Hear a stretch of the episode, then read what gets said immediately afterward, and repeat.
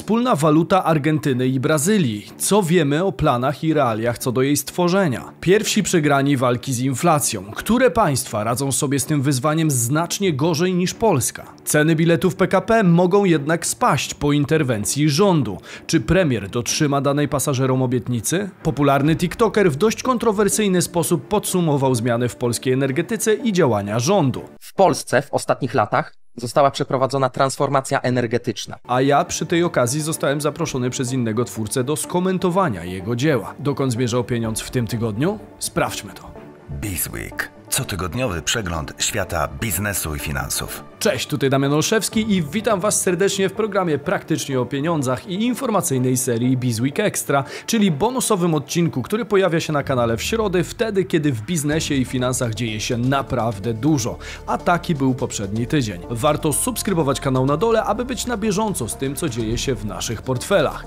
Czas to pieniądz, więc Zaczynajmy. Argentyna i Brazylia przyjmą wspólną walutę? Financial Times pisał niedawno o planowanym przymierzu walutowym pomiędzy krajami Ameryki Południowej. I to nie byle jakimi krajami. Wspólna waluta Argentyny i Brazylii mogłaby stać się całkiem sporym tworem w międzynarodowym systemie walutowym. Gdyby jej zastosowanie rozszerzono jeszcze o pozostałe kraje tamtejszej strefy gospodarczej, tzw. Tak Mercosur, czyli Urugwaju i Paragwaju, to moglibyśmy mówić o czymś na wzór wspólnej waluty regionu Ameryki Ameryki Południowej. A to byłby olbrzymi krok. Taka waluta zyskałaby spore znaczenie, ale jej powstanie budzi raczej szereg wątpliwości. W tej chwili skłaniałbym się ku temu, że jest to jedynie element gry politycznej przed nadchodzącymi wyborami w Argentynie i tak zwana dobra mina do złej gry. W kraju tym bowiem od wielu lat nie dzieje się najlepiej i próba trwałego powiązania się z nim, na przykład wspólnym systemem walutowym na obecnym etapie, nie wygląda na najlepszy pomysł. Warto również zaznaczyć, że pomysł tego rodzaju Unii pomiędzy tymi dwoma krajami nie jest niczym nowym. Takie rozwiązanie miałoby oczywiście swoje plusy, takie jak zwiększenie obrotów w handlu zagranicznym, ograniczenie kosztów operacji międzywalutowych, czy ograniczenie roli dolara w regionie. Na dłuższą metę być może nawet okazałoby się dobrym posunięciem, ale najpierw obie gospodarki musiałyby poradzić sobie z wewnętrznymi problemami, a później jeszcze z oporem ze strony Amerykanów, którzy łatwo pola by tutaj nie oddali. Jak wiecie z poprzednich odcinków, przykładowo do Unii Europejskiej również nie wprowadza się każdego państwa jak leci, tylko musi ono spełniać pewne wymogi dotyczące choćby stabilności gospodarczej czy politycznej. Ojczyzna Leo Messiego, która zbliża się powoli do okrągłej ilości 10 bankructw w swojej historii oraz równie okrągłej stuprocentowej inflacji w kraju, nie mogłaby chyba być od tego dalej. Argentyńskie peso w ciągu 12 ostatnich miesięcy straciło niemal 40% swojej wartości w stosunku stosunku do dolara i było najsłabszą w gronie 30 najważniejszych walut świata. W takiej sytuacji wymiana waluty na inną zdaje się być wspaniałym pomysłem na odcięcie się od przeszłości i zbudowanie czegoś zupełnie nowego. Innymi słowy, dla Argentyny i jej obywateli mogłaby być to szansa na wyjście z kłopotliwej sytuacji. Wydaje się jednak mało prawdopodobne, aby inne państwa Ameryki Południowej zgodziły się przewieźć ją suchą stopą na drugi brzeg rzeki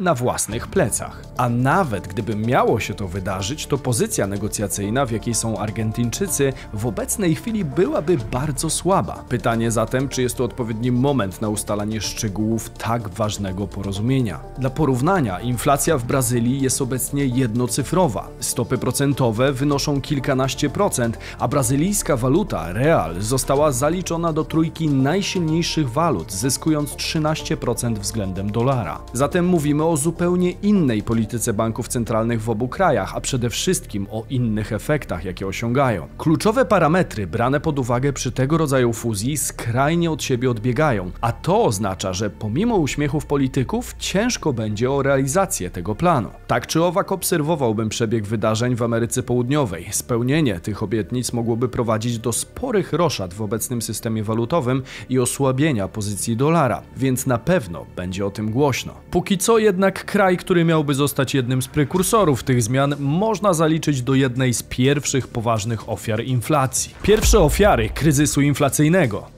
W Stanach i strefie euro sytuacja wygląda już coraz lepiej i zdaje się, że w większości krajów szczyt inflacji już za nami. Dynamika cen w strefie euro już pod koniec roku była jednocyfrowa, jednak w grupie państw naszego regionu sytuacja wciąż jest sporo poniżej średniej. Polskę czeka jeszcze na pewno wzrost dynamiki inflacji w styczniu i lutym, będący głównie skutkiem wygaszania tarczy antyinflacyjnej. Dlatego jej szczyt prognozuje się u nas właśnie na luty. Na szczęście istnieją jakieś metody, dzięki którym możemy osłabić wpływ inflacji na nasze oszczędności. Jak wiecie, lokuję też część swoich środków w obligacje skarbowe, gdzie gwarantem kapitału jest budżet całego kraju, a zysk w mojej inwestycji zawsze przekracza poziom oficjalnego wskaźnika inflacji. Dlatego, że po prostu wybieram zawsze te rodzaje obligacji, które są indeksowane inflacją. W takim przypadku dostaję niewielki procent marży plus to, co wskaże inflacja, która w 2022 średnio rocznie wyniosła ponad 14%. Nie każdy tak bezpieczny instrument może osiągać takie wyniki, dlatego moim zdaniem warto włączyć je do swojej strategii. Każdy rodzaj obligacji możemy kupić choćby zdalnie przez aplikację POPay w banku PKO SA lub fizycznie w wybranych placówkach tego banku. I wystarczy do tego zaledwie 100 zł, bo tyle kosztuje jedna obligacja. Moimi faworytami są obligacje 4-letnie i 10-letnie EDO, które stanowią u mnie zwykle około 10-15% kapitału trzymanego w papierach wartościowych. Dzięki uproszczeniu procesu zakupu przez bank PKO SA, ten sposób lokowania oszczędności z pewnością zyska jeszcze na popularności. Zakup przez aplikację dla użytkownika banku to zaledwie kilka minut. Jeżeli tak jak ja uważacie obligacje skarbowe za dobre rozwiązanie dla części oszczędności, to dzięki PKO SA możecie dokonać zakupu pod linkiem w opisie. Jednocześnie dorzucając cenną cegiełkę do rozwoju naszej działalności, za co serdecznie Wam dziękuję. Szczyt inflacji najprawdopodobniej mają już za sobą Czesi, którzy po grudniowym odczycie są na najniższym poziomie z państw regionu. Dokładniej w Czechach dynamika CPI w grudniu obniżyła się z poziomu 16,2% do poziomu 15,8% rok do roku. W Polsce co prawda również odnotowaliśmy niedawno drugi miesiąc spowolnienia z rzędu, bo grudniowy odczyt był już na poziomie 16,6%, ale te passy niewątpliwie przełamie początek tego roku. Dotychczas najwyższy poziom inflacji od 1996 roku odnotowaliśmy w październiku ubiegłego roku. Było to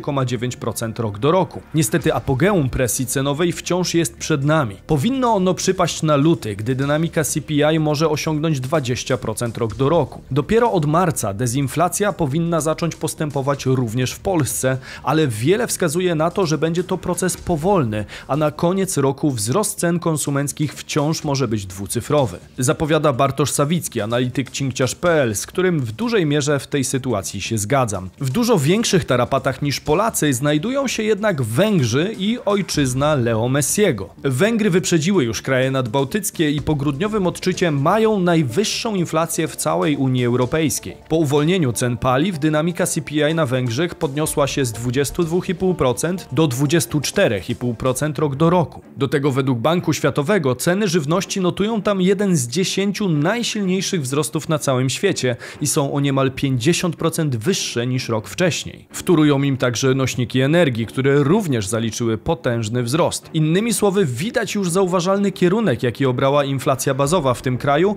i wydaje się, że może być coraz bliżej 30% zamiast spadać. Dla Węgier w 2023 roku może to oznaczać stagnację gospodarczą, a coraz głośniej mówi się o tym, że kraj ten powoli podąża ścieżką Turcji. Tego typu wypowiedzi są oczywiście jeszcze na wyrost. Mają jednak źródło w porównaniu do innych państw naszego regionu i Europy, gdzie dynamika inflacji wyraźnie spada, a na Węgrzech wydaje się ona coraz bardziej uciekać kontroli władzy. Forint na starcie roku jeszcze nie razi słabością. Kurs euro-forint próbuje się zadomowić poniżej 400, jednak w przypadku powrotu rynkowych turbulencji, forint, który w 2022 roku stracił 13% do dolara i 7% w relacji do euro, będzie ponownie zdecydowanie najwrażliwszą z walut CEE free, czyli walut naszego regionu. Innymi słowy, słabość forinta podsycała i nadal może podsycać inflacyjny pożar w węgierskiej gospodarce, podkreślił Bartosz Sawicki. Najgorzej walkę z inflacją przeżywa jednak nadal gospodarka Argentyny. Naprawdę spora gospodarka południowej Ameryki coraz bardziej pogrąża się w kryzysie, którego jednym z objawów jest właśnie krucha waluta. Waluta, która zdecydowanie wygrała ranking najsłabszych z istotnych walut świata w ubiegłym roku. Zgodnie z danymi na grudzień przekazanymi przez rząd, ceny w Argentynie były niemal o 95% wyższe niż rok wcześniej. Zatem sytuacja pod tym względem jest najgorsza od początku lat 90. ubiegłego wieku, kiedy to powołano do życia mechanizm izby walutowej, czyli najbardziej restrykcyjną formę sztywnego kursu walutowego. To zresztą również na niewiele Argentyńczykom się zdało i jedynie oddaliło na moment nieuniknione zderzenie z gospodarczą katastrofą. Ostatecznie ten ruch również w pewnym stopniu przyczynił się do bankructwa i potężnego kryzysu w kraju pod koniec XX wieku. Nic nie zapowiada, aby ta sytuacja miała się w tym roku zmienić. Inflacja dalej rośnie. Wyczerpujące się w obronie peso rezerwy walutowe nie wystarczą już na długo, a nadchodzące wybory raczej nigdy nie są okresem zdroworozsądkowych decyzji monetarnych. Władza szuka wtedy raczej sposobów na przekonanie wyborców do siebie, a to wiąże się często z rzucaniem tzw. Tak kiełbas wyborczych w postaci nowych ulg, dofinansowań i przywilejów, przede wszystkim dla najistotniejszych grup wyborców. Tego będziemy doświadczać również i w naszym kraju w najbliższych miesiącach. Z kolei kanałem dotarcia z politycznym przekazem do konkretnych grup będą także influencerzy, którzy z niewiadomych przyczyn mogą zacząć śmielej uzewnętrzniać swoje polityczne sympatie i antypatie oraz wypowiadać się na przykład o tematach społecznych czy też o sektorze energetyki. O jednej z takich wypowiedzi mówi zresztą obecnie cały internet. Znany TikToker chwali postępy w energetyce. Aby nadać sytuacji nieco kontekstu, ponieważ większość z Was pewnie nie spędza zbyt wiele czasu na TikToku, to jest pan Filip Zabielski. Twórca ten zebrał na swoim profilu naprawdę sporą widownię, która zgaduje, że z racji formy publikowanych treści jest raczej młoda. Postanowiłem, że przeczytam lekturę do szkoły, jednak niestety po 30 sekundach rozbolała mnie głowa. Stwierdziłem, że porobię coś, w czym jestem lepszy. Nie ma co tego powierzchownie oceniać, bo zakładam, że to forma wykreowanej persony medialnej, która po prostu przynosi efekt w postaci odpowiedniej ilości reakcji odbiorców. Innymi słowy, pewnie to nie jest nasza bańka tematyczna, ale pan Filip ostatnio za sprawą jednego ze swoich filmów trafił do naszej bańki tematycznej. Dokładniej za sprawą tego filmu. Faktycznie, można krytykować obecny rząd za wiele rzeczy, ale jedno im się udało. W Polsce w ostatnich latach została przeprowadzona transformacja energetyczna. Po pełny obraz wątpliwości związanych z zachowaniem pana Zabielskiego zapraszam do materiału Rewo czy też Gimpera. W skrócie, większość internetu podejrzewa, że to co zobaczyliśmy to płatna współpraca z rządem, która nie została nigdzie oznaczona. Z kolei inna część odbiorców może zastanawiać się, ile w tych stwierdzeniach jest prawdy. I to właśnie warstwa merytoryczna filmu mogłaby nas zainteresować, bo pierwszą kwestię zostawimy po prostu odpowiednim urzędom, jak Łokik. Pewnie nie wspominałbym o tym wydarzeniu, gdyby nie sugestia innego twórcy, którego nie znam osobiście, ale cenię, czyli Rewo. Jako, że w przeciwieństwie do niego nie jestem ekspertem od energetyki i geopolityki, nie podejmuję się oceny tego, czy mówi prawdę. Wspomniałem jedynie o najprostszych wątkach, co do których nie potrzeba specjalistycznej wiedzy. Fajnie, gdyby osoby siedzące w temacie, np. Damian Olszewski, przeanalizował jego słowa i zdobiły fact check. Pytanie więc do Was, czy chcielibyście zobaczyć odcinek, w którym do każdego z rzuconych w filmie pana Zabielskiego haseł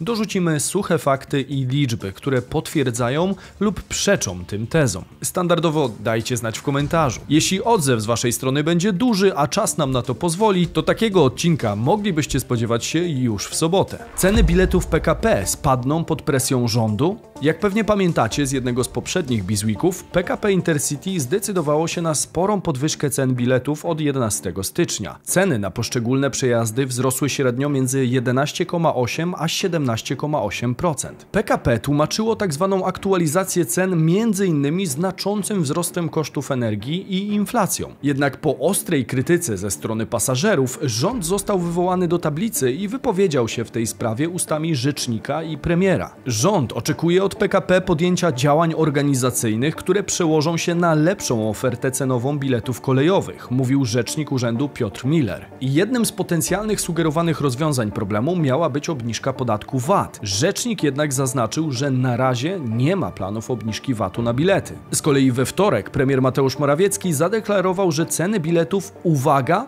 na pewno nie pozostaną na poziomie, na którym są dzisiaj. I na pewno e, na tym poziomie, na jakim dzisiaj ceny są, e, one nie pozostaną. Nie pozostaną. Trzeba przyznać, że to dość mocna deklaracja. Pytanie jednak, czy to, że nie pozostaną na tym samym poziomie, oznacza na pewno obniżki. Do tego premier zapowiedział, że w najbliższych dniach będzie rozmawiał na ten temat z kierownictwem Ministerstwa Infrastruktury. Jak przekazywałem w poprzednim odcinku, minister wspominał, że ceny mogłyby śmiało powędrować nawet i o 50% do góry. Wyobrażacie to sobie? To dopiero byłby pogrom wśród pasażerów. W pewnym momencie osiągamy przecież pewnego rodzaju rynkową wyporność. Konsument nie jest w stanie przecież przełknąć każdej ceny. W pewnym momencie po prostu powie basta i przeniesie się na inny środek transportu. Interwencja premiera, który stwierdził, że ceny jednak nie pozostaną na obecnym poziomie, otwiera pewnego rodzaju furtkę do zmian w najbliższym czasie. Sam jestem ciekaw, czy ta obietnica zostanie zrealizowana, a ceny rzeczywiście spadną. W tej chwili macie świadomość, że te słowa padły, więc nie pozostaje nam nic innego niż je rozliczyć, obserwując bacznie cennik w najbliższych dniach i tygodniach. Myślicie, że ceny rzeczywiście spadną, czy po prostu jest to jedna z obietnic, o której za moment wszyscy zapomną? Dajcie znać w komentarzu. Mówił Damian Olszewski, a to był Bizweek Extra, wasz środowy uzupełniający przegląd wydarzeń ze świata biznesu i finansów. Warto subskrybować kanał na dole, aby wiedzieć dokąd zmierzał pieniądz. Zostawcie po sobie również hashtag Bizweek Extra, jeśli chcielibyście, aby środowe odcinki zostały z nami na stałe. Tymczasem widzimy się jak zwykle w sobotę i niedzielę o 15. Cześć!